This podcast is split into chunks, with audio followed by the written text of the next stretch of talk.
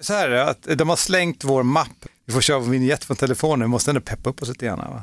Jag kan köra en vignett från en annan podd, det är roligt. Nu kommer du höra det själv här. Nej, vad knasigt. Den är sjukt hal den här stolen. Har du hällt Pepsi på den? Ja, jag tror det. Förlåt. Det var inte snällt. Det här är Fighter-podden. Ladies and gentlemen, please. I'm not surprised, motherfuckers. Touch gloves. Get ready for war. Uchimata! And ladies and gentlemen, the mauler, Alexander Gustafsson. Oh my God! Double leg. He just got double leg. I'm gonna show you how great I am. Vet ni vad det är för avsnitt idag? Ingen aning. 50... Fem! 55. Ja, det, är, det är värt en applåd. Det är bra jobbat. Kolla vad jag gjorde här länge. som jag har också. Du vet. Jag gick in, jag har printat ut varenda avsnitt vi har gjort. Är det Det sant? är ett Nu kan kompendium. inte ni se det som hör det här, men Nej. det är faktiskt jättefint. Det är verkligen... Så kan, för varje avsnitt så läggs det till. Nu är det, 50, ja, det blir 55 nu då. Ja, du som lyssnar, varmt välkommen till Fighterpodden. Eh, podden om kampsport. Mm, Inte bara fighting, kampsport, vi vill säga det. Och vi har ju snackat om det tidigare, vi försöker enas kring att man kanske tycker om en viss stil men kan vara lite intresserad av en annan stil.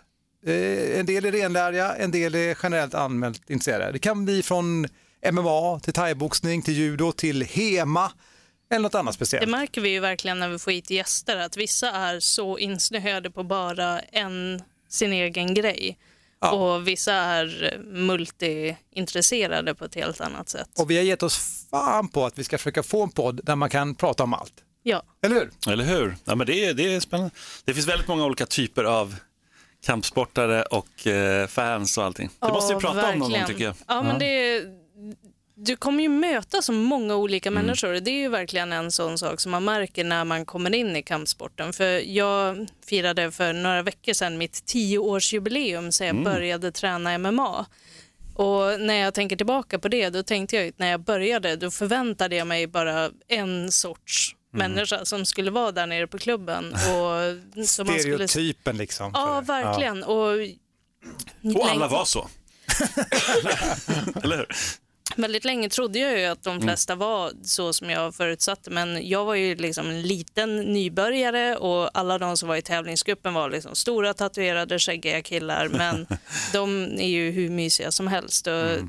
Men alltså, man har ju stött på en hel del konstiga karaktärer genom åren. Eller hur? Och sen, att, sen förändras det också. Men jag tänker, när du firade tio år, jag vet inte om du kommer ihåg, när du firade tio år i kampsport, 86 kanske det var? Eller Tackar, tackar. Ja. Nej, men det, var ju, an- det, men det, det jag vill säga skämt åsido, det var att det har ju verkligen förändrats också. Nu, det, Verkligen. det ser annorlunda ut idag. Liksom. Vi kan prata länge om det. Eh, Jag heter Mårten Söderström förresten. Där är Elin Blad, Hej, hej. Simon Kölle. Lite av ett orakel får man säga inom Ja, kampsport. tackar, tackar. Jag är lite äldre än vad du är, så jag, man kan säga att jag tillhör liksom det äldre gardet och jag är lite så här med en fot i Chuck Norris och liksom Bruce Lee-tiden och vem men skulle kunna Bruce vinna? jag också. Och det är intressant det ni säger just det här att få uppleva, för min del var ju det revolutionerande att, Mm. att eh, faktiskt växa upp och tänka, ja men undrar vem som är bäst. Kan Bruce Lee slå Chuck Norris? Hur ska det gå om Mike Tyson kom in i det här? Du vet det här man diskuterade och det var mycket spekulationer och sådär. Det var mycket kommer- osanningar också. Alltså, det var Ja, mycket här, extrema Får man ett slag av Tyson, då dör man. På Som 90-talet. folk, alltså, Ja, ja, jag ja. kan ju tänka mig att eh, stod typ i Agda Aftonbladet tror jag. 86 skulle Nej, nej, nej, nej, det stod i Aftonbladet. Alltså, det var, det var på den Ja, det var galet var det. Jag kommer ihåg, jag läste en artikel ganska nyligen bara om det här med Shaolin-munkar och det vet jag, i början, eh, typ slutet av 80-talet, då var det någon reporter som hade kommit i kontakt med de här, som egentligen är grunden kan man säga för hela det här Shaolin-myten och Shaolin-filmerna. Och där var det någon Shaolin-munk som berättade då att han från hela jorden hade fått brev som utmanade de här Shaolin-munkarna då i fighting. Eh, så typ, det var skrivet i blod, det var, alltså, det var en dramatisk Oj. artikel. Wow. Eh, så han tänkte den här reportern, jag måste åka dit. Och kommer dit då. Och där möter han liksom 85-åriga gubbar. Liksom. Alltså, Men det var- är inte det en så här Ja, Bushido-grej där de säger jag kan slå vem som helst och Ja, så det kommer var, någon... Det de hade byggt någon... en jättemyt, va? en jättemyt Ja. kring det här. Så kommer han dit och de, de där har ju inte haft en chans. Men att få uppleva det, det visste ju inte jag då, det förstår man ju så här med artikeln. Och sen så kommer MMA Ja. och bara, ja, där har ni svaret. Och ingår en liten kort kille som heter liksom, Mm. Poise Gracie liksom, och drar ut folk. Och man tänker, okej, det finns kanske en annan värld. Så var det. Och allt var en stor konspiration från början. Ja, just det. Va? Nej, men det var ju det var upp, ganska upplagt hur det skulle gå i den typen av tävling. Och Jaha, menar, ja. Hoyce var ju inte heller den bästa liksom, BI-utövaren på den tiden heller. Hickson var ju betydligt bättre. Det var ju storyn, att, pappa Gracie tog inte sin bästa kille Nej. utan han tog någon. Nej, men dels, och sen så satte han honom, honom mot sådana som inte, alltså möta någon med en handske, en boxare som aldrig har brottats en enda dag hela sitt liv. Alltså, det är lite så här... Det är ju inte jättesvårt att lista ut hur det ska gå då. Nej, alltså den enda som hade väl någon form av chans var ju Ken Shamrock och det var ju en rivalitet mellan dem sen under ett par år. Liksom. Just det. Han var ju från catch wrestling då, så det var väl lite där. Men, men även han var ju så här, oj vad är det här som händer Nu är nu? vi lite inne på det här med historielektion som Ja, men en läsare förra veckan. Vet vet att det var därför jag tänkte på det? För vi fick ju ett brev av en Ja. tjej som skrev det och då vi började leta. Jag har faktiskt hittat en ganska intressant Ah, artikel. Ja, men allt ifrån liksom, varför är till exempel samurajsvärdet så mytomspunnet? Det kan jag berätta en otrolig historia om, alltså från eh, alltså 1600-talet, som gör att man än idag har liksom gjort det här svärdet. För det är klart att om det är krig och de kommer med liksom maskingevär, är det lite ologiskt att gå ut med ett svärd. Men tänk att du ändå är så övertygad om att det här svärdet kan besegra det här vapnet. Då finns det ju en historia som är ganska stark. Det, där är ju också väldigt knutet till när man pratar om japanernas, liksom, deras mentalitet och Ja. kultur och deras hederskänsla. För eh, jag har lyssnat lite grann på eh, Hardcore History där de pratar om just eh, krig som japanerna har varit med i. Framförallt när de var med i andra världskriget. De här, eh, de här soldaterna som vägrade kapitulera, som satt och hängde i någon djungel i 40 år tills deras här gamla pensionerade general kommer dit och bara, nej men alltså vi har, vi har gett upp, du kan gå hem. Men de vägrar innan det. Liksom. Ja. det, det är ju en helt... Fascinerande. Ja. Men i Asien generellt så är det ju väldigt mycket symbolvärde i sakerna. Nu är kendo-VM som är, står för dörren här. Och då är det också så här, då lägger de upp på sin sida, liksom, alltså VM-sidan då, då är det så här ett gammalt svärd från, kanske inte är 1600-tal, men det, det är kanske i alla fall 1700-tal tror jag det gjordes så, så här, som någon vinnare kommer få och de beskriver liksom historiken med det och vikten av att anamma det här historiska. Så att, det kanske inte bara är egentligen Hema som håller kvar någonting gammalt nej, nej, och liksom tittar bakåt. Så. Det är bara att vissa kampsporter är inte så gamla. Men det var inne på förut just det, jag tänker min generation, jag som är äldre då, så tänker jag på dig då Elin som liksom 20 år, kanske lite mer 28. yngre. 23 år, så här, 25 år yngre. Som, eh, 20 plus. Och den generationen som har kommit till klubben som knappt vet alltså, vad ett svart bälte är. Vadå svart bälte? Liksom? Du vet. Mm. Passar det för honom att ha svart bälte? Nej, jaha, vad, vad betyder det liksom? Man Men det förstår- betyder olika saker också. Det är Ja, det. ja men Nu jag tänker att han har svart bälte i en annan stil. Men ju- exakt, men nu vet ju vi så här, ett svart bälte i BI under en tränare som inte ger ut det på postorder, liksom, så är det ju, det tar ju kanske tio år generellt liksom, att få. Om du får, är, fortsätter köra kontinuerligt i tio år. Vissa håller på i 20, alltså, du kan hålla på väldigt, väldigt länge och aldrig heller uppnå det. Men vissa andra så är det så här, ja efter andra terminen får du ett blått bälte, efter tredje får du det, lila och så vidare. Och så vidare. Och en stor anledning till att jag fort. tror att jag fastnade just för MMA är ju för att det inte finns bältesgrader. För jag Nej. tyckte att det, det var inte intressant för mig. Och jag var exakt tvärtom. För mig var ju det hela grejen, att få ett bälte och den här liksom disciplinen och man skulle minutiöst styra, lyda någon liksom instruktör. Sen ju äldre du blev tänkte du, undrar om det här är helt logiskt. Liksom. Började ifrågasätta. Ja, jag hörde också, apropå det, vi ska snart gå vidare i podden, ursäkta att vi bara försvann iväg här, men det var någon som eh, pratade med någon, eh, det var en läkare som träffade en taekwondo-utövare ganska många år sedan i Australien, duktig, som har otroligt ont i knäna. Så, här, så han liksom var inne, du vet, och de hade röntgat, så här, fan det såg inte bra ut i knäna. Så visade lite grann vad ni kör för någonting. Så här, så här gubben körde sina tekniker, du vet, liksom där man nästan översträcker knäna när man snärtar med sparkar. Och Just läkaren det. bara, det där är inte jättebra vet du, att göra. så här, liksom. Och eh, han blir ju såklart förbannad och menar men vi har alltid gjort sådär. Oh. Men du vet, och så förklarar han liksom rent anatomiskt vad som händer i ett knä när det här sker. Och det kommer slitas ut och du kommer inte kunna gå till slut, du måste förstå det. Idag tänker jag på kunskapen i MMA, alltså den är ju på en sån nivå hur du ska träna din kropp och att inte göra övningar. Men att som elev, tänkte på den tiden säga så här, jag får lite ont i knät när vi gör det här, det är inte, det är inte bra att översträcka. Åk ut. Nej men det är precis, det är olika. Tider och skolor och allting. Och jag menar från att, från att det var, vi var i ett läge då det kanske var bra någonstans, det var inte bra kanske för våra huvuden men det var bra att vi liksom lärde oss att nästan fightas på sparringen till att det blivit så här, nej men nu är inte det bra, nu vi behöver inte det, vi kan, vi kan trycka på den knappen när det behövs. Eh, och sparras mindre för att hålla längre. Typ. Därför har kommit tillbaka fighters som har ändrat om sin träningsstil.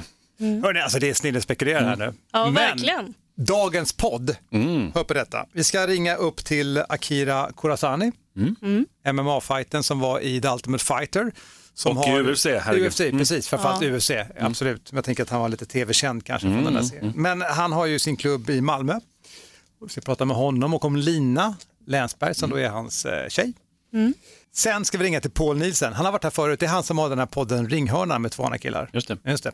För att Otto Wallin, vår svenska tungviktsfighter, ska ju gå en helt sjuk titelfight mot Tyson Fury den 14 september. Herregud. Och det ska eh, Paul få förklara varför det här är så stort, för att det är galet alltså. Det är Det är galet. det verkligen. Helt sjukt. Ja. Och slutligen så ska vi prata judo i dagens podd. Coolt, det har vi inte gjort förut. Det har vi inte gjort det. Nej. Och Sverige har ju tävlat i VM. Inga jättemedaljer, men ändå duktiga prestationer får man säga. Det är ju tuff konkurrens där. Ja, Väldigt, verkligen. väldigt tufft. Och japanerna är ganska bra. Ja, och det var också i Japan den här tävlingen var. Dessutom ska OS vara i Japan, var det spännande. Eh, men vi ska prata med Robert Eriksson som är landslagscoach för judolandslaget. Där har ni dagens podd, men nu är det dags för det här.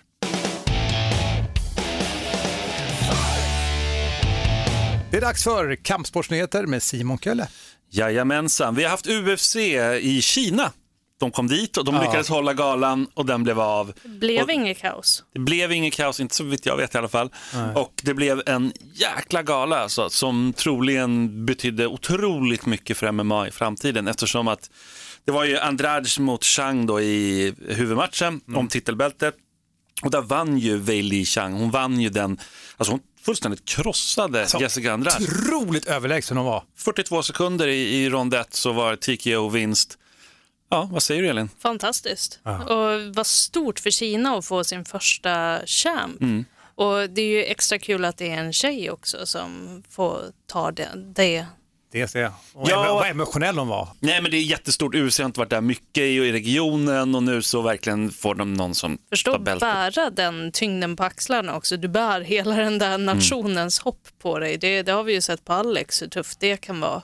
Ja verkligen. Och sen i, i, i co-main event var det också en väldigt viktig vinst för kineserna. Då var det Li Jingliang som slog alltså den otroligt lovande brasilianska fighten Elisao Saleski dos Santos som man inte kanske känner till så här vardags, det, han är inte världens lättaste namn heller förstås. Nej. Men och han, du kan ju det såklart också, bara att du säger det Men han har ju liksom han har aldrig förlorat på TKO eller knock av hans 26 matcher han hade gått, så ingen kunde tänka sig att den här kinesen skulle kunna vinna på det sättet, men det gjorde han.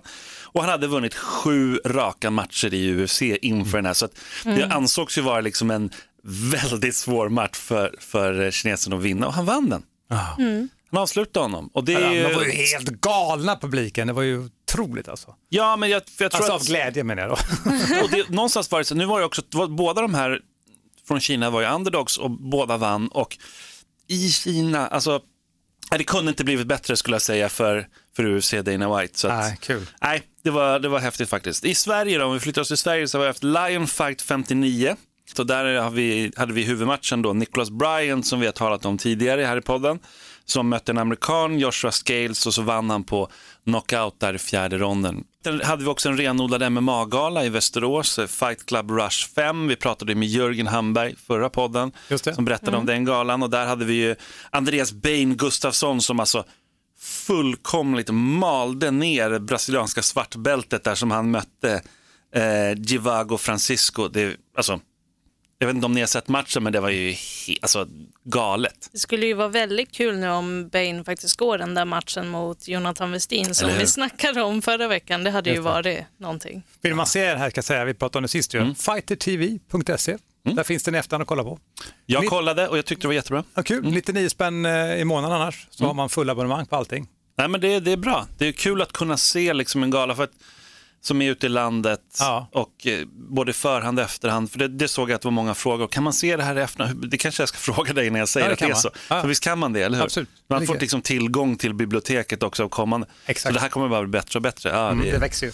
ja, det är häftigt. Det är väldigt kul faktiskt. Och, och sen hade vi ju också i huvudmatchen, det där var ju co-main event. Och huvudmatchen så var det Robin Roos eh, som förlorade på en rear naked choke i andra ronden mot finske Henry Lintola. Så att, eh, det var Det en har tuff... väl ändå gått rätt bra för Ros innan? Det har gått extremt bra för honom som proffs, eller som, eh, inte som proffs, men som eh, amatör och nu har han 2-2 i rekord. där. Och nu är han också klar för Superior Challenge, men jag kommer komma dit snart. Eh, sen har vi haft judo-VM. Japp. Eh, vi ska väl försöka få prata med, med någon där i landslagscoachen kanske eller så. Precis, om en stund ringer vi honom. Häftigt. Och för Sveriges del då så blev var det näst bästa VMet någonsin. VM 1986 var bättre. Det här hade vi Marcus Nyman och Anna Bernholm som kämpade i bronsmatcherna men förlorade. Och det finns ju inga fjärdeplatser i judo. Känner du till det Mårten? Nej, du har sagt det. Så att- Gör det inte? Nej, det finns inte. Varför? Nej, de som förlorar, eh, nej, för, för man delar på tredjeplatsen. De som liksom förlorar eh, semifinalerna, ah, ah, strunt samma, så då, då, det finns två treor och sen finns det då femma också. Så att, Ja, men det är för att de har återkval. Men, men varför exakt. har de bronsmatcher då om båda får medalj? Nej, men om man vinner bronsmatchen då får man ju brons, ehm, då det finns det ju två stycken som får brons då helt enkelt. Ja, vi får reda ut det här en annan gång. Jag blev jätteförvirrad. det blir liksom två bronsmatcher. Ah, strunt samma. Eh, hur som haver så ehm, får vi verkligen, det är spännande att se fram emot vad som kommer hända i judo nästa år. Så. Det Verkligen, är mycket, där, mycket att fråga om. Thaiboxaren Josefin Lindgren Knutsson var i Japan igen. Apropå Japan var ju också judo-VM. Och där vann hon återigen mot ett sånt här världsnamn. Då. Den här gången var det eh, Kotomi som hon slog. Och det, det är också så här, kanske inte säger jättemycket till alla här, men det är liksom, hon sa ju det själv att det här, hon fick mer, när hon vann den här matchen så fick hon liksom mer mess och mail och allting än när hon vann VM. Det är så pass stort, det är liksom det är enorma galor verkligen där. Hon börjar verkligen bli ett stort, stort namn, så det är häftigt. Vill man höra mer om henne, fast det var ett tag sedan, så var hon här i podd nummer 37. Mm. Det var faktiskt förra året. Då var hon här och berättade lite grann om sitt fighting-tänkande. Häftigt, häftigt. Om vi tittar framåt då så har vi alltså svenska Otto Wallin som, i, nu pratar vi boxning, som eh, kommer möta Tyson Fury. Otroligt bra fighter verkligen.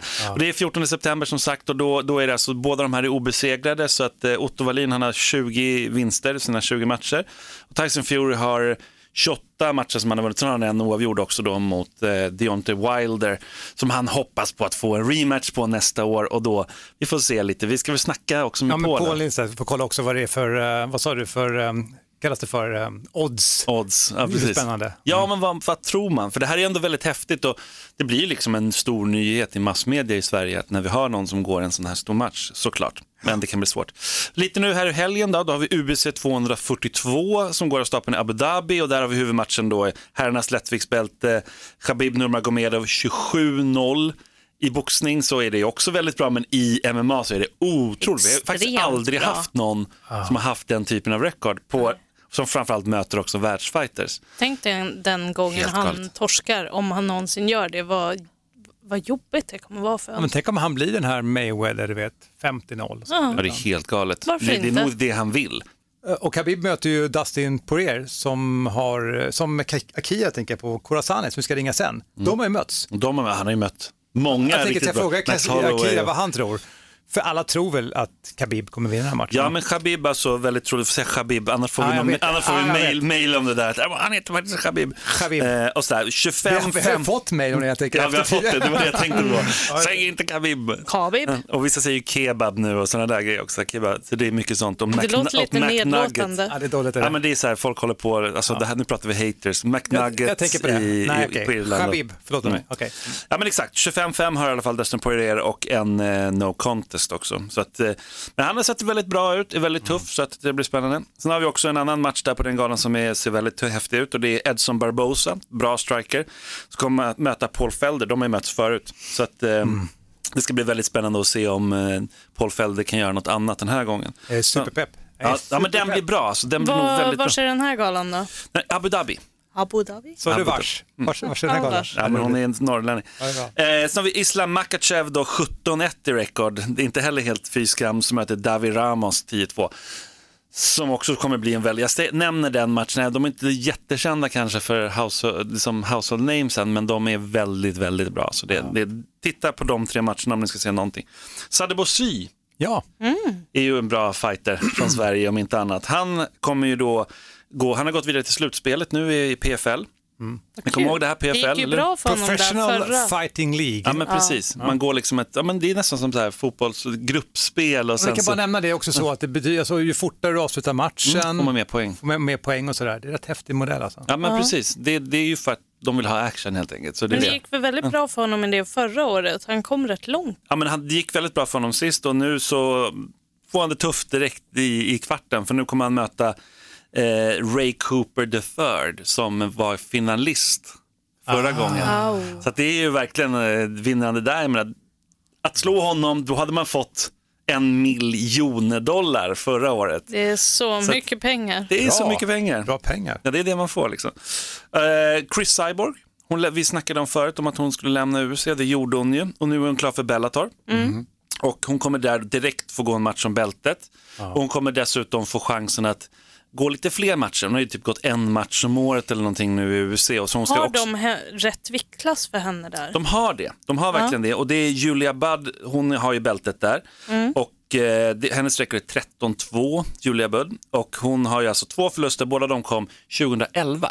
Så det är väldigt länge sedan Julia, Jädrar. Julia förlorade. Och då ska vi nämna några namn. De två hon förlorade mot, Amanda Nunes och Ronda Rousey. 2011. Sen dess har hon bara good, vunnit. alltså. Sen dess har hon bara vunnit liksom. Gud, det kommer ju bli Och Amanda en Nunes var hennes debutmatch. De mötte om Amanda Nunes i sin debut. Otroligt. Champ, champ. Superior Challenge bokar ju massa folk nu till eh, sin gala som kommer vara, den är ju, kommer vi prata om sen, den är ju i december, 7 december. Men Robin Roos har blivit klar nu och han var ju, vi just nämnt honom här i helgen. Och eh, han kommer då alltså gå den här hatmatchen mot Adam Westlund. Det har varit så mycket snack mellan dem och de ska gå upp. Jag tror att det, det här blir tredje gången de ska mötas. Den ena har skadats, den andra har varit sjuk och det har varit, de har tjafsat mot varandra. Och det, är liksom, det, det är ganska ovanligt i Sverige. Jag tror inte att det finns något egentligen riktigt hat Nej, mellan vad är dem. det de jiddrar Men vad är, precis, vad är grejen då? Varför är De har det? utmanat varandra och den ena är feg och den andra hit och dit. Jag vet, jag vet faktiskt inte exakt orden de har sagt och det känns som att det, det har varit så mycket s- Det är ingen hype. som vet längre varför de... Nej, men det är lite så, det har varit så mycket hype fram och tillbaka. Och sen är det väl det att eh, de har varit liksom redo flera gånger att mötas och så har det inte blivit det. Och båda är väldigt, väldigt bra strikers, olika stil ändå. Och Robin, nu förlorade han på en rear naked choke, men det är ju lite där han har, liksom det svår, lite svårare i alla fall. De har ju det lite mer i Västerås. De tränar inte så mycket brasiliansk jiu de tränar typ ingenting. Man ska komma upp från backen säger de. Just det. Ja.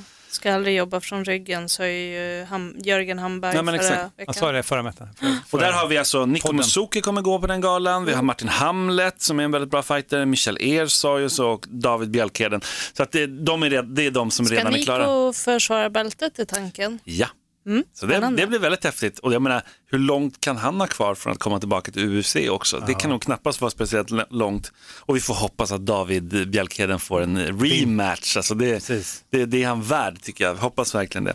Eh, även AK Fighting Championship eh, har annonserat ut att de ska köra en till gala. De har kört en gala förut i Örebro, men nu vänder de sig till Stockholm och Solna, anrika Solnahallen i kampsportssammanhang.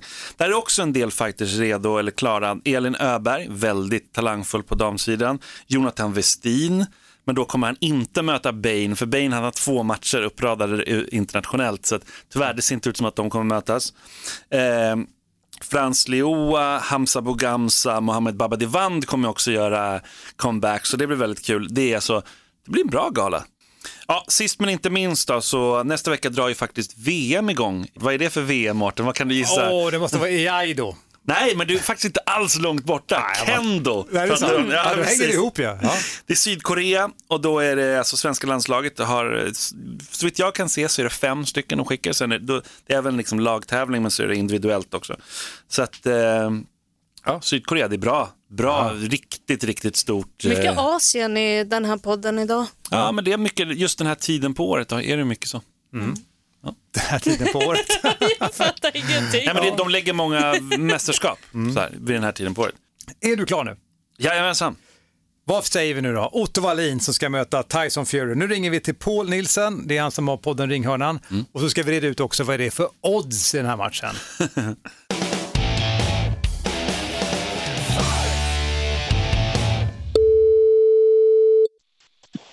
Ja, det är Paul. Tjena Paul, det är Fighterpodden. Ja, men tjena, tjena. Fighterpodden ringer till Ringhörnan-podden. Eller? Yes, yes. Jag letar här vart så här och hittade i vårt papper här avsnitt 14 av Åh Fighterpodden. jäklar, så länge sedan. Ja, Ja. där var du med. Det var alltså den 10 Ja. februari 2017. Oj. Det, det stämmer. Vilket, eh, vad är det för avsnitt nu då? 55 är vi på nu.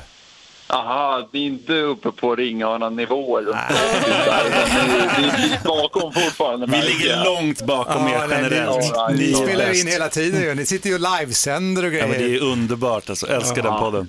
Den är så jävla Ja, det, är, ro- det är roligt. De är så jävla roliga, mina kollegor. Så att det, det gör att det är väldigt kul att spela in. Så jag vill gärna ofta göra det. Du, när, när du var här hade vi ju han Oscar, the golden boy Alin ju, som gäst i podden. Ja, ja, Men idag vill vi prata om eh, Otto Wallin.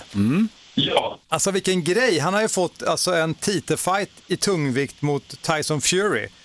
Som är den 14 september, eller hur? Ja, det här är ju helt livsförändrande för honom. Eller han har i alla fall potentialen för att göra det till det. Så Kan att, vi, eh, jo. så här, vi, vi brukar säga det så här, vi vill så gärna veta mer om boxning. Simon kan lite mer än vad jag kan, men vi har liksom engagerat oss. Vi, vi tycker ju om boxningen. Men kan inte du sätta Ja. lite grann det här i perspektiv? Varför är det här så stort? Därför att bo- tungviktsboxningen just nu är väldigt bra. Det var länge sedan vi hade en era av tungviktsboxning som är så här bra. Vi har ett gäng riktiga stjärnor som är liksom internationella stjärnor. Vi har Anthony Joshua, Tyson Fury och Deontay Wilder som alla tre är liksom ja, storstjärnor och drar in många miljoner. Och att man har tre så bra boxare samtidigt, det är, det är inte jättevanligt i tungvikten. Och nu har vi dessutom en svensk som ska upp och mäta sig med de här killarna.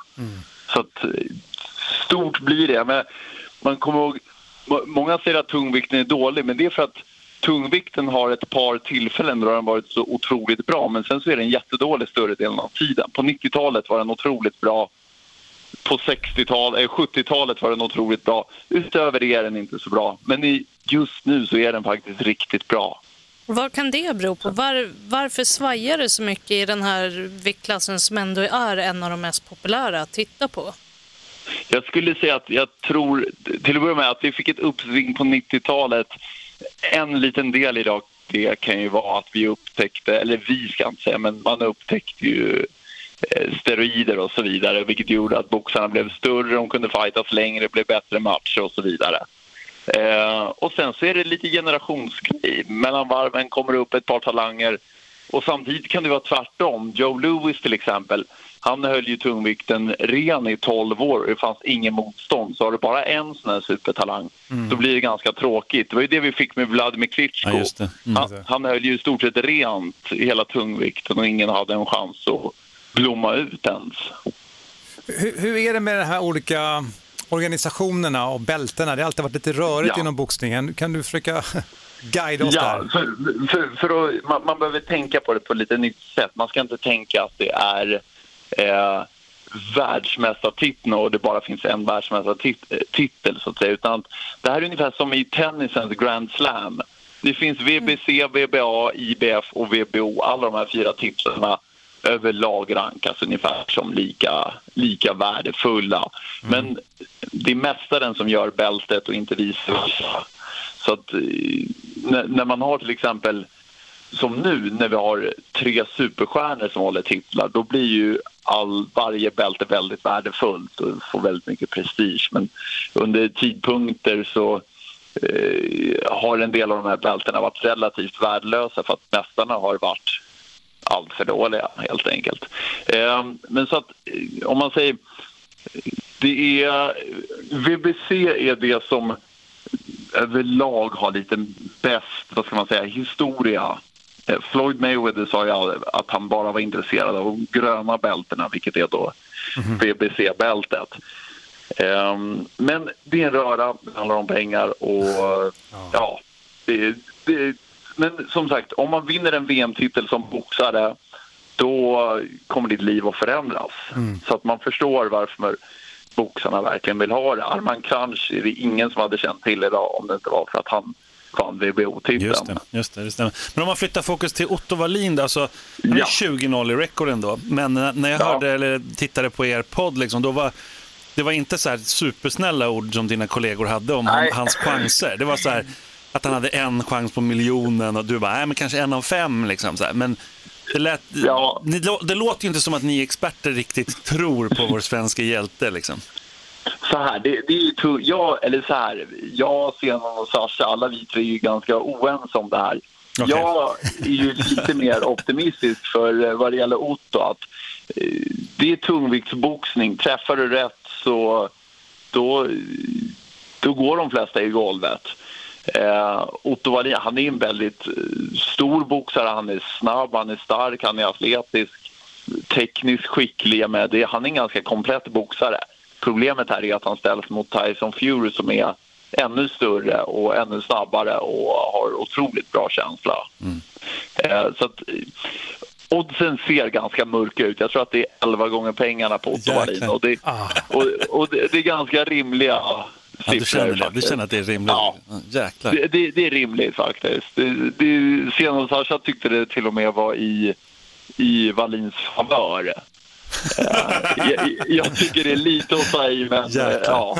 11 ja och då, pengarna. men då vill jag säga, jag, jag spelar rätt mycket på boxning och jag har vunnit flera gånger på 15 gånger pengarna. Så Mm. helt chockerande vore det inte. Nej, men och du och Simon kan säkert mötas här i. Han är ju vår gambler här i vårt program. Okej, okej. Ja, det ser Men bra 11 ut gånger pengarna, alltså det, i MMA hände ju, alltså det är väl, Matt Sarah, det var väl inte ens 11 gånger pengarna då, liksom, när han vann Nej, bältet. jag tror det var åtta gånger Ja, pengarna. exakt. om jag Åtta kommer rätt. någonting. Det, det anses ju helt, det är liksom aldrig hänt. Ja, men det kanske Nej, finns Men, men, men, mer det är ju någonting spännande i det här. Jag tänker alltså, nu, än en gång, som sagt, jag är för dåligt insatt, men du vet när Mayweather skulle möta McGregor, liksom, Ändå Ja. står man så här, fan alltså McGregor kanske kan vinna den här matchen. Alla som kunde boxning, inklusive du, bara så här, nej, Mm. det kommer inte ske. Alltså Mayweather är 49-0, han kommer garanterat vinna mot McGregor. Ja, Men man och då tänkte ändå så det- här, och inte vad oddsen var då. Vad, vad var oddsen på den matchen? Det här är ju väldigt roligt för att jag, jag kastade ju alla pengar jag hade på Mayweather direkt. För att oddsen var alltså, om du satsade dem på Mayweather var det som mest 1,50. Jäklar. Och, på, och McGregor var alltså bara lite mer än pengarna tillbaka. Vilket är helt absurt. jättekonstigt. Men det var så att det var Ja. sån hype på den grejen. Ja, och eh, hela Irland tror jag kastade alla sina pengar på Ma- McGregor. Det är vad jag tror. Bilnyckeln och liksom. Berätta lite mer om, om Otto Wallin. Liksom. Vem är han? Alltså han har ju boxat, han har ju aldrig varit uppe på den här nivån och han har heller aldrig riktigt varit uppe på ens mm, två nivåer under. Oj. Så att det, det är ju därför lite man ser det som att, ja, han, han, det här är en tune-up så att säga för eh, Tyson Fury ska möta Deontay Wilder så småningom. Igen. Men, men när boxare har fokus på något annat då är det ju väldigt lätt att man eh, glömmer bort att man har en eh, 110 kilo tung jätte som vill slå en på käften framför sig. Eh, och Otto Wallin, som sagt, han är en snabb boxare. Han är, eh, jag skulle säga så här, han, det, är inget, det är inte en enskild grej som står ut, han är ganska komplett. Eh, allt som allt. Han har, han har ingen direkt svaghet eh, och, och gör allt välskolat, tekniskt och bra. Så att det, det är inte så att vi, det är någon sopa de bara har släpat upp här utan anledningen till att han får den här matchen är för att eh, nu tror jag det är Tyson Fury har skrivit på för eh, något stort tv-bolag och de vill de ändå ha bra motstånd. De kan inte släppa upp vem som helst på amerikansk tv. Och som sagt, Otto Wallin, han fyller alla de kriterierna.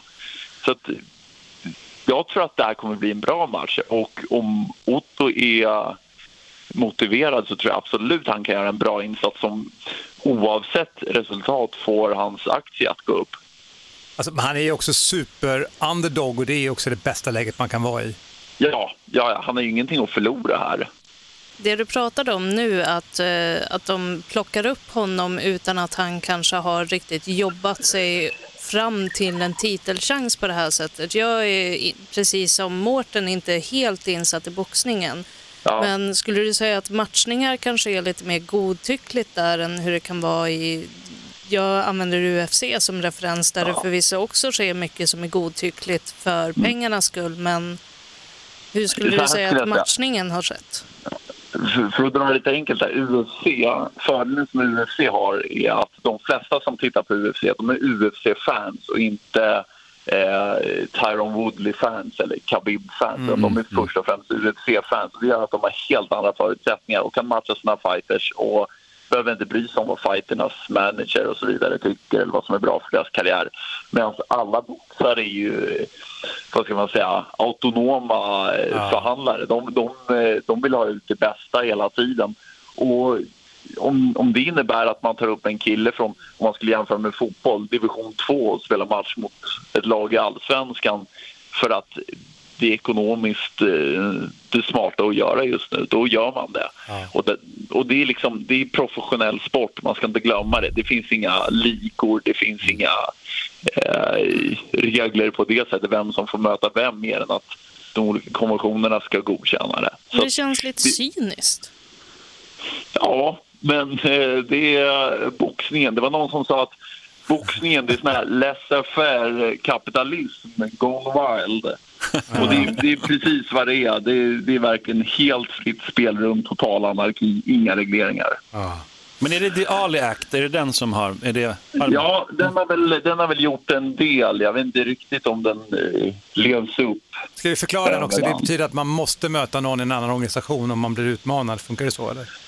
Pre precis. De, har ju, de måste ha oberoende rankingsystem och eh, en hel del såna här grejer då för att eh, det ska bli jämnare matcher. Men den är också för att för, Ali Act är ju framförallt utformad för att den ska gynna boxarna så att de inte kan bli utnyttjade av promotorer och manager och så vidare. Men så det är gäller också för MMA. det. Alltså, vi har snackat om det Ja, de har tidigare. försökt, de har försökt få in Försöka ja, så här, tvinga någon från Bellator att möta inom kommer UFC. inte hända liksom. Kommer inte ske. det blir svårt. Precis, det skulle slå omkull UFC helt och Ja, hållet. verkligen. det tror jag aldrig kommer hända. Vad menar du, att Dana White inte skulle gå med på det? Va? Ja. ja, men Ja. ja. Ja, vad spännande. Ja. Jag tycker det är, jag älskar ändå det här underdog-perspektivet. 11 gånger pengarna. Fan, det, Ja. vet, det kan bli en skräll. Sätter en hundring på det så. Ja, eller hur? Varför inte? Du, eh, Paul, vi hoppas att se dig snart Ja. igen i podden och så lyssnar man på, Absolut. lyssnar på ringhörnan säger vi till våra lyssnare Ja, också. gör nu. det, lyssna Ja. på den, den är rolig. Mm, det är bra. All right. Tack för Tackar. allt.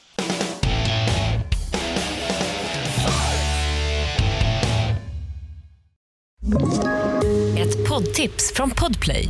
I fallen jag aldrig glömmer djupdyker Hasse Aro i arbetet bakom några av Sveriges mest uppseendeväckande brottsutredningar. Går vi in med hemlig telefonavlyssning och, och då upplever vi att vi får en total förändring av hans beteende. Vad är det som händer nu? Vem är det som läcker?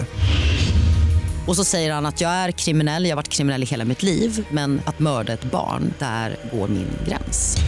Nya säsongen av Fallen jag aldrig glömmer på Podplay.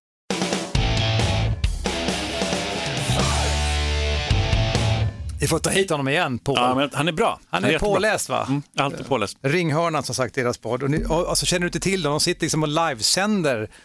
De kan sitta bredvid som UFC, inte kanske UFC, men jo, det kan de också göra, med någon bur. Tre stycken och bara Ja, de är snackar. jättesköna. Alltså. egen Frågan är om vi kan ta hit dem alla tre nog, eller vågar vi det hela på? Det är helt galet. Det kommer bli kaos. Men De är väldigt sköna. Och jag ska ju stoppa in eh, 10 000 spänn tänkte jag här nu på Ottawa. Gör inte det. Jag tror tror inte det är så Alltså? smart, Mårten. Jag kan ju vinna 11 gånger pengarna. Det är sant, du kan det. Barnens college funds som Vi har i det. haft, vi har haft Kölles eh, bettingskola och en regel var ju att satsa inte mer än vad du kan bli av med. Ja, ja, du är så rik, Mm. vi förstår. Men vad tänker ni? Alltså, Nej, vad tänker ni också avsnitt var det om man vill fräscha upp minnet? det, det Ja. finns där bak någonstans. Nej, men skämt åsido, så, vad tänker ni om det att vara så utskriven som han ändå är? Alltså nu, de här är ju ändå proffs och superduktiga boxare, de här nu som är i ringhörnan och alla andra. Så 11 gånger pengarna, alltså han fattar väl det själv. Det är som att möta liksom Milan eller Juventus eller någonting i fotboll och så, här, så är man liksom kanske inte riktigt där än själv. Alltså, men ändå, han har gått kanske 20-0. tror på sig själv. 20-0 Det ska liksom. man ju inte underskatta. Nej, jag, jag, jag tycker det är fantastiskt. Han kanske är, jag, jag vet inte, jag Att vara känner en inte sån honom. underdog, att vara en sån Mm. underdog, perfekt läge. Ja, ja, men så här, han kan chocka världen. Mm. Han har ju allt att vinna på den här matchen. Vi ska Nej, ta häftigt. och eh, gå från boxning, vi är ett tvärkast vi har, Ja. till judo. Vi har inte pratat om det förut Det i är podden. ett tvärtkast. Det är ganska tvärtkast, men det är ju väl också så här men alltså, lyssna på mig. tvärtkast. Jag- menar ju kast. Det var ju det jag försökte få er att reagera. Det var ju Tvärtkast. roligt. Okej. Men det är också, ja, det är, göteborgska är väldigt kul. Ja. Men, men det är också så här, det är det som är göteborgska. Nej men skämt det, det är ju ändå två traditionella alltså, absolut. sporter. Det har ju blivit det, men boxning är betydligt äldre än judo. Det är, Mm. så är det ju. Men Sverige har ju varit i VM. Eh, har Och sen har vi ett kommande OS längre fram. Men vi ringer till eh, landslagets eh, coach Robert Eriksson. Spännande.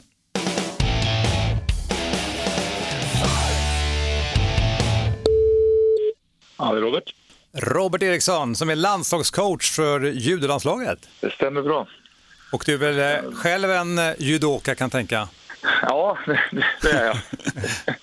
Det hade varit intressant om du sa tvärtom. Nej, jag vet inte vad. Jag har aldrig, aldrig, Aldrig, hållit, hållit på med judo förut. Ja, precis. Ja, det, här, det, det är inte helt omöjligt i och för sig. Vart började du själv eh, träna judo? Eh, Jag började själv med judo för länge sedan i Karlskoga, Karlskoga judoklubb. Eh, Jag började faktiskt själv först med jujutsu. Så det, och, och i det så fanns det inget tävlingsmoment. Nej. Och då, när man blir lite äldre där, när man är tonåren så saknar man ju, jag ville ha tävlingsmoment och så då halkade jag in på judon och så, ja den vägen blev det. Började du tävla ganska tidigt då eftersom det ändå var därför du ville börja köra judo?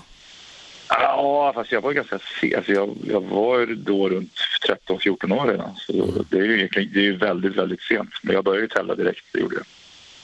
Men det känns ju som att, att judon har fått, sin, har fått en revival kan man säga. Ja, det har jag väl fått. Det får man väl säga på, på många sätt och vis. Eh, mycket tack vare eh, andra kampsporter förstås. Med, MMA och UFC och allting har gjort sitt för judons skull också får man säga. Och sen... Eh, Ronda Rousey kanske har gjort sitt.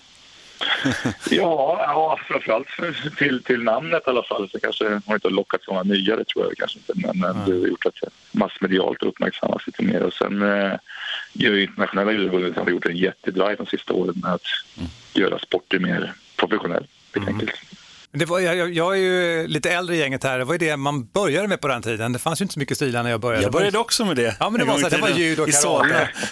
Och det var ju judon och sen, sen kan man känna, sen kom ju alla de häftiga kampsporterna på något sätt.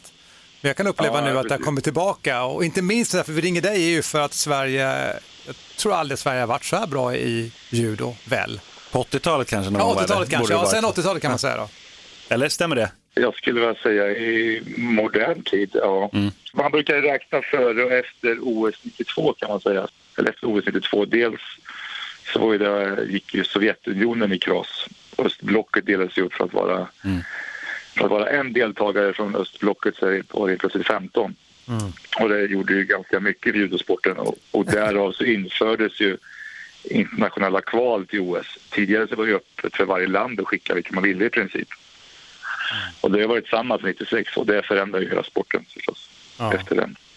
Så man brukar väl räkna före och efter 92 kan man väl säga. Och sen 92 har vi, eh, har vi det bästa gänget någonsin nu. Om vi tar senaste nu, eh, VM här. Till exempel apropå det du Ja. pratade med OS här, Joakim Dverby, han förstod de att det var en stukning, men han bröt alltså foten och fightades med det.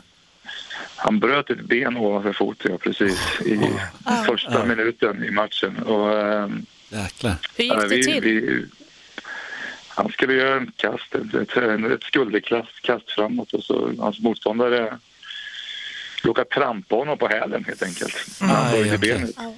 Och det såg ju inte så farligt Ja, nu när man ser bilderna i efterhand så ser man ju att det var inte så bra förstås. Men ja, med adrenalinpåslag och så vidare så, så um, trodde vi att det var en stukning. Och, men det, det var ju inte, visade sig. Man ska ju säga också att han tävlar ju i 100 kilos-klassen och även om man då Ja, har precis. starkare ben så har man inte så starka ben i fötterna när man får en 100 kilos kille på sig.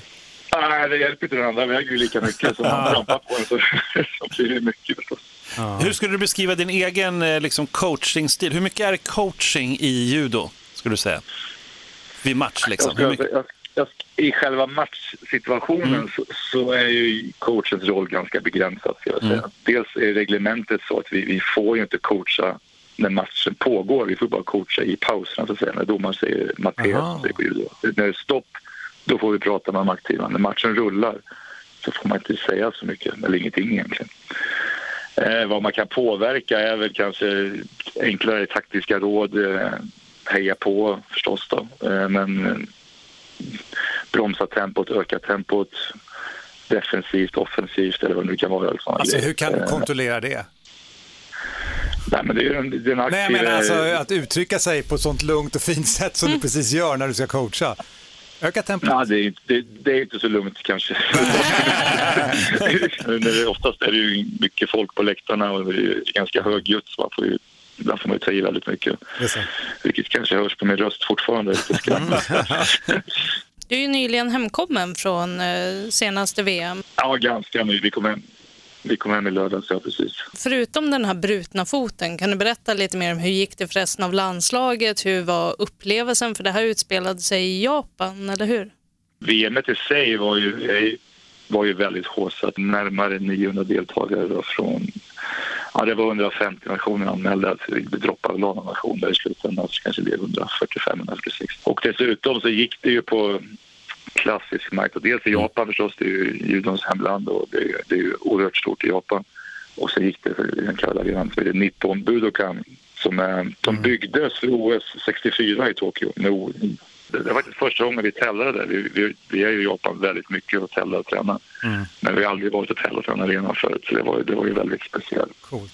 Och sen gick det ju bra får man ju säga. Det gick väldigt bra. Eh, Men vi hade fem deltagare och alla utom en lyckades vinna matcher och det blev ju två femteplats i slutändan men det är ändå så faktiskt det bästa vi har gjort på ja, modern tid. Är, är du nöjd eller vad, vad är din liksom, uppfattning? Jag, jag, jag är nöjd med placeringarna så sett med tanke på hur, dagarna var för dem och vilka förutsättningar de hade inför tävlingarna. Och alltså, självklart när man är så nära medaljen, det är det vi saknar. Vi saknar ju VM-medalj. Vi har ju alla medaljer, vi har massa medaljer på alla tävlingar. Men just VM saknar vi medalj från. Så det var lite surt. Ja, men det kan man förstå, men det var ju väldigt bra VM då. Men berätta lite nu inför OS då.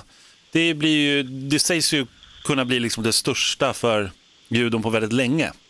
Alltså ett OS är alltid ett OS. Det, det kvittar ju vart det går egentligen. Det är klart att det, det är fortfarande det största du kan vara med det största du kan vinna. Och det, det, och det, så att det unika med det är ju att det är var fjärde år och allt det här och det är kvar för att komma dit. Och det är inte... Det är ungefär, storleksmässigt det blir ungefär ett halvt VM så att vara med på OS överhuvudtaget. Det det, det. Sen att det går i Japan, det är klart att det, det, det håsas ju väldigt mycket. Att det, judon kommer hem som man säger. Judon kommer hem till Exakt, ja, Japan men det är det jag har hört. Liksom.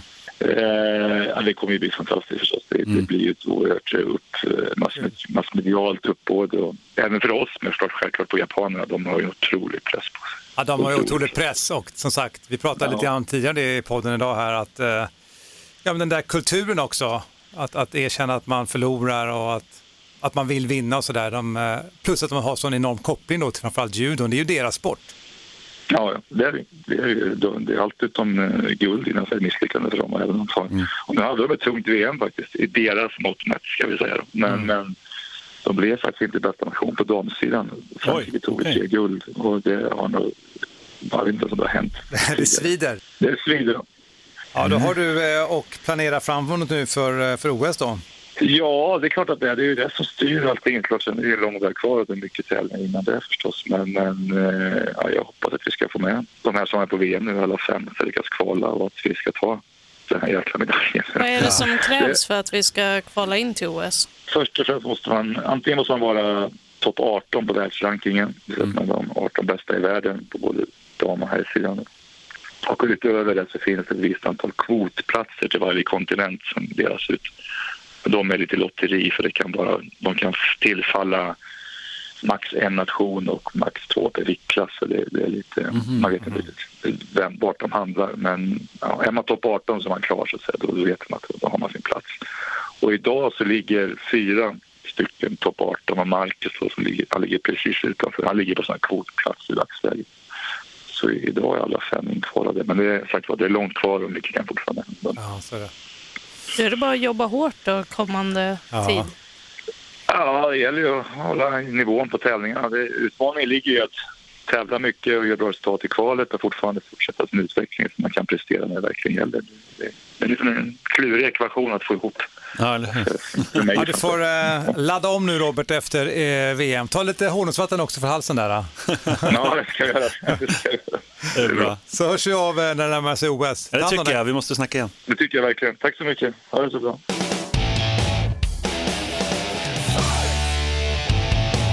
Han var lite hes hörni, Robert. Mm, Ja, skrikigt som coach där för landslaget. Intressant, det var därför jag lite frågade också. För att man får ju typ inte skrika. Han, Nej. han sa det. ska vara så jävla gentlemannamässigt hela tiden. Ja, men Ja. det är ju liksom det här liksom bud och andan och så här. Mm. Och sen hade han ingen röst. Men det är mycket folk i publiken såklart. Eller hur? Det är det. Alltså, jag tänkte vi, vi alltså, podden är ju späckad idag. Men, men vi har ju en kille som står och väntar på kö här i telefon och det är ju Akira Korasani. Mm. Som befinner sig i Malmö nu och jag tänkte ringa och eh, stämma av lite av honom. Hur han har det nu, hur går det med klubben, hur är det med Elina och så vidare. Är ni med? Vi är Är vi det. med. Nu kör vi.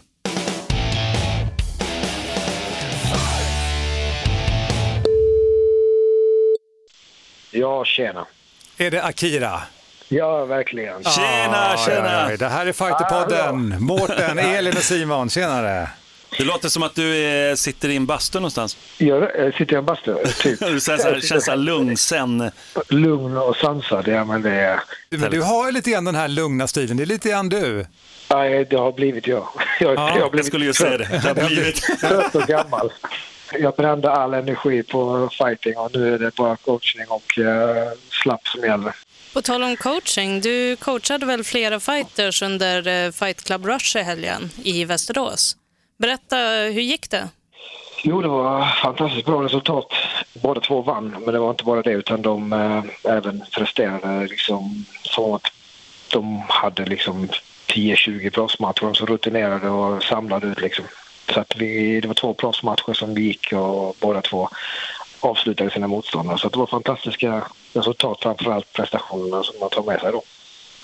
Är det, är det det här som är det du lever för idag, att coacha och se framgång i andra fighters? Ja, precis. Det är det. Det, det, det är så det har blivit. Det var inte, det var inte meningen, men det blev så. så att, eh, ja, jag får, det, det är liksom njutbart att kunna rätta till det man själv gjorde fel hos de här ungdomarna, ki- killarna och tjejerna då. Och samtidigt vägleda dem. Och det, det, det, man får en kick liksom när man ser, när man har taggade idrottsmän omkring sig så får man en kick av det själv också så att säga. Men ska vi ta din bakgrund lite grann bara? Alltså, många känner ju till dig och på ett sätt kan man säga så blev du lite kändis tack vare The Ultimate Fighter. Ja, just det. Eh, Jag träffade dig faktiskt på The Zone när du fightades där för länge sedan i Göteborg mot han Paul Reed, där du dock förlorade, men det var en tuff match kommer jag ihåg. Ja, just det. Eh, Och sen efter det så fick du hela din UFC-karriär och sånt där. Eh, Ja, precis. Och det, är det 12 år man kan säga som du var professionell fighter? Ja, ungefär. Där, där omkring, ja. 12 år, jag har inte kollat upp det exakt, men eh, det stämmer nog. Ett dussin år. Liksom. Men det, det, många kan, alltså, hoppar ju på ditt tåg efter ett tag, liksom, såklart, med Ultimate Fighter och allting. Men, men eh, du var ju liksom en känd som lite grann en galning på ett sätt. M- Jag tänker på din, din debut liksom, när du mötte Dion Starring där, eller vad han hette. Visst hette han Ja, det? Ja, du menar, det var ganska många viktklasser över dig, va? Eller hur? Ja, precis. Jag, han vägde 26 kilo med så han var ju. Det här är alltså hans debut. Det, det, var ju tillåtet, det var tillåtet på den tiden. Idag, tittar jag tillbaka så hade jag ju gett en örfil till en av mina egna grabbar om jag hade tänkt tanken. Ung och dum som man säger, men det var jävligt kul. Det var, det var minnen för livet liksom. Ja, häftigt. Och sen raddade du upp massa vinster efter det. Ja, precis. För det, för det, var en tuff, det var en tuff match som du förlorade i debuten där. Massa Ja. vinster och sen, jag menar, man tänker nu, om man hoppar lite framåt. Nu är det ju fight i helgen, då är det Khabib mot Dustin Poirier. Hur känns det nu när du ser liksom killar du har mött, du har hängt med, de går liksom världens största matcher nu. Och du har ju mött Ja, de här killarna, du har mött dem. Ja, precis. precis. Nej, Max Holloway och Dustin framförallt då. Mm. Eh, ja, men alltså det är ju liksom... Det var, jag var ju i ett skede i min karriär där jag kände att jag började bli äldre och började få problem med hakan liksom och så vidare. Så gamblade jag liksom och då bad jag min manager eh, plocka fram de, de bästa liksom för att även inte slösa tid liksom och se om man har det eller inte. För att i, i min, enligt mig så i UFC så finns det skikt och topp 10 blir en helt annan sport då så att säga. Och det var där jag ville slå mig in liksom och se om jag hade det. Så jag, annars hade jag ju möjligheten att möta vem som helst. Men jag valde att liksom utmana, utmana och plocka fram de här, de bästa av de bästa. Hur tror du att det kommer gå på matchen nu i helgen mellan Khabib och Dustin? Ja, jag tror att eh, Khabib eh, gör samma sak som han gjorde sist mot eh, Conor McGregor. Alltså det, jag ser inte... Självklart finns ju alltid den där chansen. Dustin Poirier är ju, är ju mer brutal än Conor McGregor så att säga. Han är på och liksom är en avslutare. Precis som Conor McGregor också i och för sig. Men, men jag vet inte. Jag ser, jag, ser inte hur han ska kunna stoppa Khabib. Liksom. Men alltså, du, du är ju, till exempel på din karriär så är du, du är riktigt duktig på backen. Du är duktig stående, men du har ju alltså, jag vill säga att ditt markgame är lite så här, eller var eller är underskattat. Du var jävligt vass alltså. Vad skulle Ja. du säga är liksom nivån som Khabib har? Vad är det han har som är så in i helvete bra? Han har ju liksom gjort det han gör i så jäkla många år så han, eh, han har ju nött in detta, det finns stil. Han, han, han kan hålla ett högt tempo och liksom, det är just hans, eh, hans press och liksom sättet han positionerar sig både i brottningen och på marken som gör det jävligt tufft. Så att tittar man på hans stil så, så slår han ju inga stora slag på marken heller den första Nej. ronden utan han, han successivt ökar tempot liksom och som han säger ma- malar folk liksom. Och, det, och det är han jäkligt bra på. Det är han jäkligt bra på. Och fysiskt, fysiskt stark under längre, under längre tid liksom. Han, är, han är hemsk. Ja, han är grym och hemsk. Men vi måste, jag tänker att vi måste prata om, eh, vi vill prata om Lina förstås, Länsberg. Alltså, Hennes senaste match, den var helt sjuk. Alltså, hon var så bra. Alltså, vi har ju aldrig sett henne så vass. Eh, Var, det, var, det en, var, det en, var du förvånad eller så här, du har sett bättre i, på klubben? Nej, liksom? Nej, men jag var inte förvånad för att, jag, för att det där är det som ska ha kommit ut i de andra matcherna också. Liksom. Utan, Mm. utan det, är en process, det, har varit, det har varit en process under en längre period och liksom skapa en mer komplett eh, fighter. Liksom.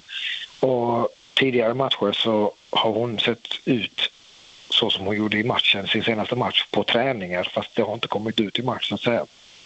Och nu äntligen så kom, kom det ut. Liksom det är det man ser på träningar. Och det tror jag är en process som eh, har fått liksom gro under en längre tid. Vad, vad tror du att det beror på? Att du visste att hon hade den här potentialen, det har inte kommit ut på match. Vad, vad är orsaken och hur har ni jobbat med det för att hon i buren ska kunna prestera så som du vet att hon kan prestera? Tittar man på matcherna så har de ju blivit bättre och bättre och sen så får man ju också tänka att motståndaren är ju en faktor som motståndaren vill ju också vinna. Och hon har ju mött eh, Cyborg och sen så Jana då som är tuffa. Så att eh, nej, jag tror att det är som en eh, blomstringsprocess liksom. Eh, och det är som allt annat. Jag tror att eh, vissa dagar så stämmer det bara bättre än andra liksom. Men, men ni bor ihop, eller hur? Ja, ja. Precis. 24-7 MMA. Jag skulle precis säga det. Det måste bli ett sånt liv med tanke på att ni båda två är ganska hög energi. Även om du just nu är ganska lugn och eh, fokuserade. Och du är ändå hennes då partner och coach. Hur funkar det i Ja. relationen? Det funkar bra. Vissa dagar håller vi på att slå ihjäl varandra nästan. men, men, eh, nej, men det funkar faktiskt jäkligt bra. Eh, Hittat en bra balans och det är ju också det att jag har fightats själv liksom och, och förstår det rejält i processen. Så att, eh, Men är ni båda två är ni båda hetlevade? ja, faktiskt. Hon är mer, het- hon är mer hetlevrad än vad jag är, tror, tror jag. Men, men berätta lite, hur får du ut din, alltså för du har ju en, ah, man kan, kan inte kanske kalla det demon, men du har ju någonting inom dig som vill ut liksom. Du får ut det i Ja. fighting eller så här. Berätta lite om, hur har det gått med musiken? För du, du är duktig musiker också, det vet inte alla Ja, om. precis. Nej, men jag fotar och håller på med musik och så det är kanske, det är kanske raka motsatsen till just fighting. Och tack och lov så fick jag ut alla, alla jävla demoner under, under den tiden jag fightade. Så nu, är det bara en trött gammal gubbe som gillar kaffe och ö, mörk öl typ. Nej, men det, jag, jag håller på med liksom, jag får ut också det via, via fightersen. Alltså, när de tävlar så tävlar ju jag också på något sätt. Liksom. Så att, eh, Och du blir Men- engagerad, ja. Du går in i det Ja, såklart. precis, precis. Man får ju adrenalinet och man får liksom, du vet, eh, det känns som att man på något sätt går in själv förutom att man, eh, de får ta stryk och jag eh, sitter vid sidan, vilket känns bättre. Med en joystick typ och styr så här. Jag tänkte på det, alltså, du- är ju perfekt coach. Du pratar väl fem språk, är det inte så? Ja, sju språk ungefär. Sju språk? Vil- Vilka, vilka språk kan du? Svenska, engelska, eh, spanska, farsi, turkiska, azerbajdzjanska och portugisiska. Ja, det är sjukt. Ja, det är galet. Du kan ju liksom specialcoacha. Du skulle kunna skapa ett nytt språk. Ja, roligt. Och, och, din, och din klubb då? För det, är där, för det var ju så att efter din så att säga, karriär, så det var ju en mörk tid, det har du pratat själv om, och det var jobbigt. Liksom. Ja, för det är ju jättesvårt, liksom, den här identitetskrisen, att gå från den här fighten och sen plötsligt öppna en egen klubb. Men nu har ju det gått väldigt bra och det låter som att du är harmonisk i det. Ja, precis. Nej, men det är en process, eh, perspektiv liksom. Tiden går och sen har man sökt klart liksom. Det, och sen så startade vi klubben då tillsammans, jag, Trym och Arben. Och det har gått jäkligt bra och där får man ju också energi av liksom både vi har ju större delen av våra medlemmar är ju motionärer. Liksom. Har- Och sen så har vi, har vi liksom fighters då som, som, elit, som elitgrupp.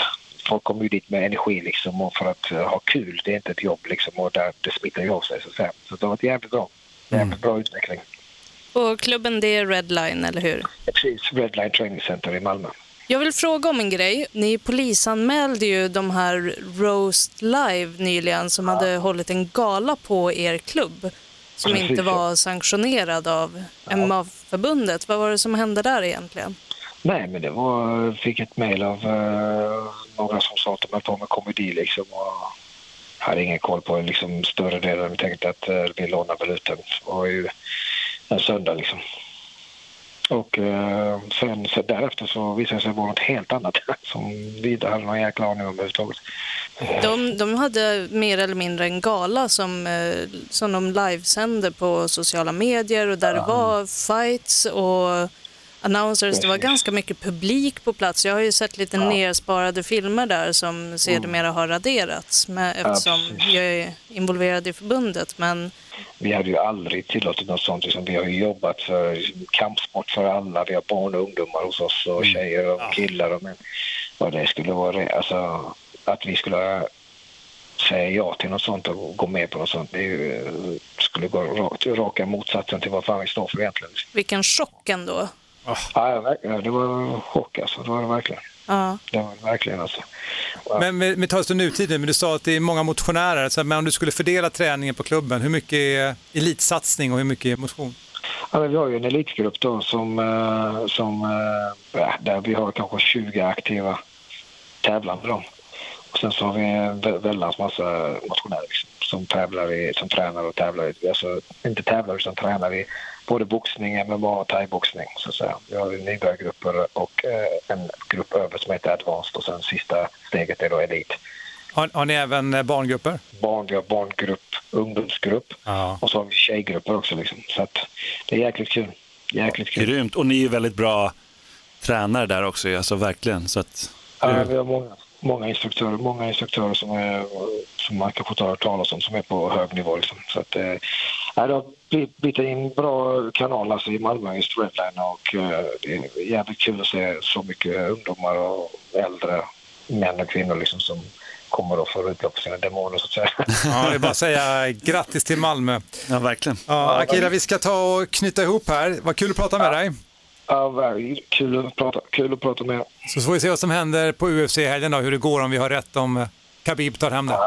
Ja, det kommer bli eh, intressant som fan. Ja, det var. Ja, grymt. Hälsa Lina! Ha det så bäst.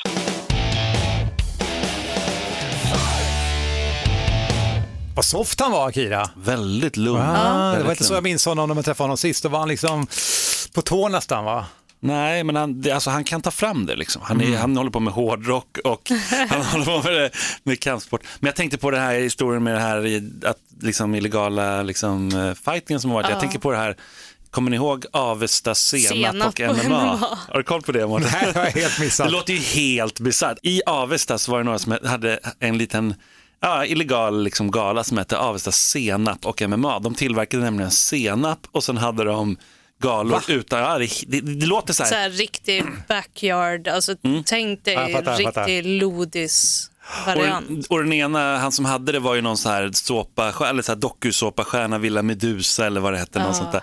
Stjärna liksom och så hade han hand om det där och sen så var det bara rep och så körde de liksom helt vilt där inne och folk Mm. hade ju inte tränat alltså, speciellt mycket. Det var någon som hade, såg ut som att den där kanske gått i alla fall någon termin eller någonting och liksom sopade Mm. mattan med de andra. Nej, det var, Om vi jämför det här med det här Avesta Sena på MMA så var ju det här mycket mer uppstyrt. Alltså det, var, Mm. det, var en, det var både ring och Mm. de körde i oktagon, det var liksom Nej, för- för det uppfixat finns med där. publik och announcement, alltså allting. Och sen nu hävdar ju de liksom att nej, det var bara sparring. Får man inte sparras längre? Men det, det är ju bullshit. Har man sett filmerna ser man att det här är oreglerad fullkontaktsfighting Ja. inför publik.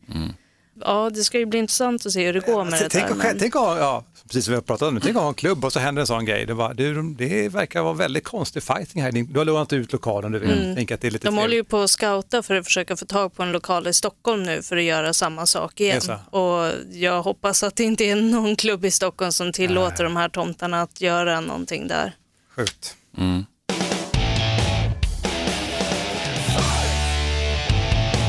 Fighterpodden 55 och jädrar vad späckad den blev idag. Verkligen. Jag tänkte på det, vi öppnar ju med det här att här är en podd som försöker liksom samla alla under ett paraply sådär. Har vi lyckats? Ja, jag tycker det. Idag tycker jag att vi har varit väldigt bra om jag får Mm. säga det själv. Och inte bara kampsporterna som du representerar heller. Nej. Nu var det både boxning och judo Det är inte... två andra förbund. Ja. Det är Det var väl- judo som startade det här förbundet som du representerar nu? Jag tror det, men eh, jag ska inte svära på det. Det finns någon bok hemma som bok. Stefan Stenhud har skrivit. Jag får väl läsa den. Det var Stockholm 1926. sa Mm. Inte riktigt så långt, så gammal är inte Stenhud. Men...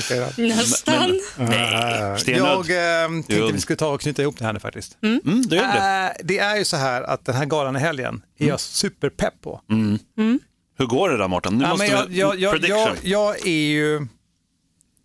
Det är det här vem man vill ska vinna, vem jag tror jag ska vinna. Vem vill du ska vinna? Jag tycker jag Dustin skulle vinna. För jag vet- Varför då? För att det är, vad sa vi, 27-0 nu för Khabib liksom. Du tycker liksom det är dags? Ja, vi ska dags. En nergöra skräll. den här hjälten. Skräll, så så liksom. du, du är inte så mycket inne på att Dustin ska vinna som du är inne på att Khabib ska förlora? Ah, intressant, intressant. Hmm. Hmm. Jag skulle vilja se att eh, Khabib kanske förlorar då. Bra sagt Elin, fan jag måste tänka på Den var väldigt intressant. Vad säger du då Mm. Elin? Hur går det? Eh, jag tror på Khabib. Jag tycker det är... Jag tycker han är rätt kul att kolla på Fan, blir, jag, faktiskt. jag blir helt mindfucked här nu. Henne. Mm. Åh. Ja, är det så jag tänker egentligen? Det är nog så du tänker. Jag vill ju inte att Dustin Välkommen ska till vinna. Psykologipodden. Ja, ja. Eller hur? Ja, vad tror du då Simon? Ja, får jag frågan också? Tack, tack. Ja, ja, ja. Mm, inte för att vara martyr, men... Nej, men eh, jag tror, nej, jag tror faktiskt att eh, Khabib kommer ta det. Ja. Det ska nog väldigt mycket till tror jag om Dustin ska kunna... Just det handlar om brottningen. Dustin har ju varit som bäst mot dem som, han har, som liksom stått upp mot honom. Ja. Men, eh, men å andra sidan, alltså det, är- jag tror att om han går ut, och- han har aldrig ställt ut skorna tidigare, Khabib, så det är väl det, om han skulle gå ut och underskatta någon. Ja. Nu är det många ryssar på kort, jättemånga ryssar som har åkt till Abu Dhabi. Mm. Alltså, det är extremt många, det är nära också. Spännande. Ja. Och det är också så här muslimskt land och med tanke på de Mm. ställena så där Khabib kommer ifrån och sådär. Mm. Jag, Mm. jag tänker att vi, vi kanske skulle ta och ringa varandra på söndag och prata lite om det, Det var ju det, vi, ska försöka, vi har snackat om det. Jag ska bara se till att få min mikrofon till Stockholm här. Så vi kanske kör ut en Kanske special, ut en eftersnackspodd. Mm. Jag vågar inte lova, men, Ja, men Om, om Mårten fixar mick Mm. så, och Mackan fixar klipp, då, då hör ni oss på söndag när vi dissekerar vad det är som har hänt. Eller hur? Jag trodde du skulle säga att vi ska ringa Khabib. Det, det, det är nog ganska många som ringer honom. Är det någon som har numret? Nej, exakt. Då säger jag att vi tar och knyter ihop idag. Och så säger jag jag. till dig som lyssnar, fighterpodden at fightermag.se. Dit skickar du mail om du är någonting du vill eh, tycka till om eller vet vi ska ta upp i podden. Mm. Elin Blad, Hej hej. Simon Kölle. Tja. Tja. Jag heter Mårten Söderström. Vi tackar för idag. Oss!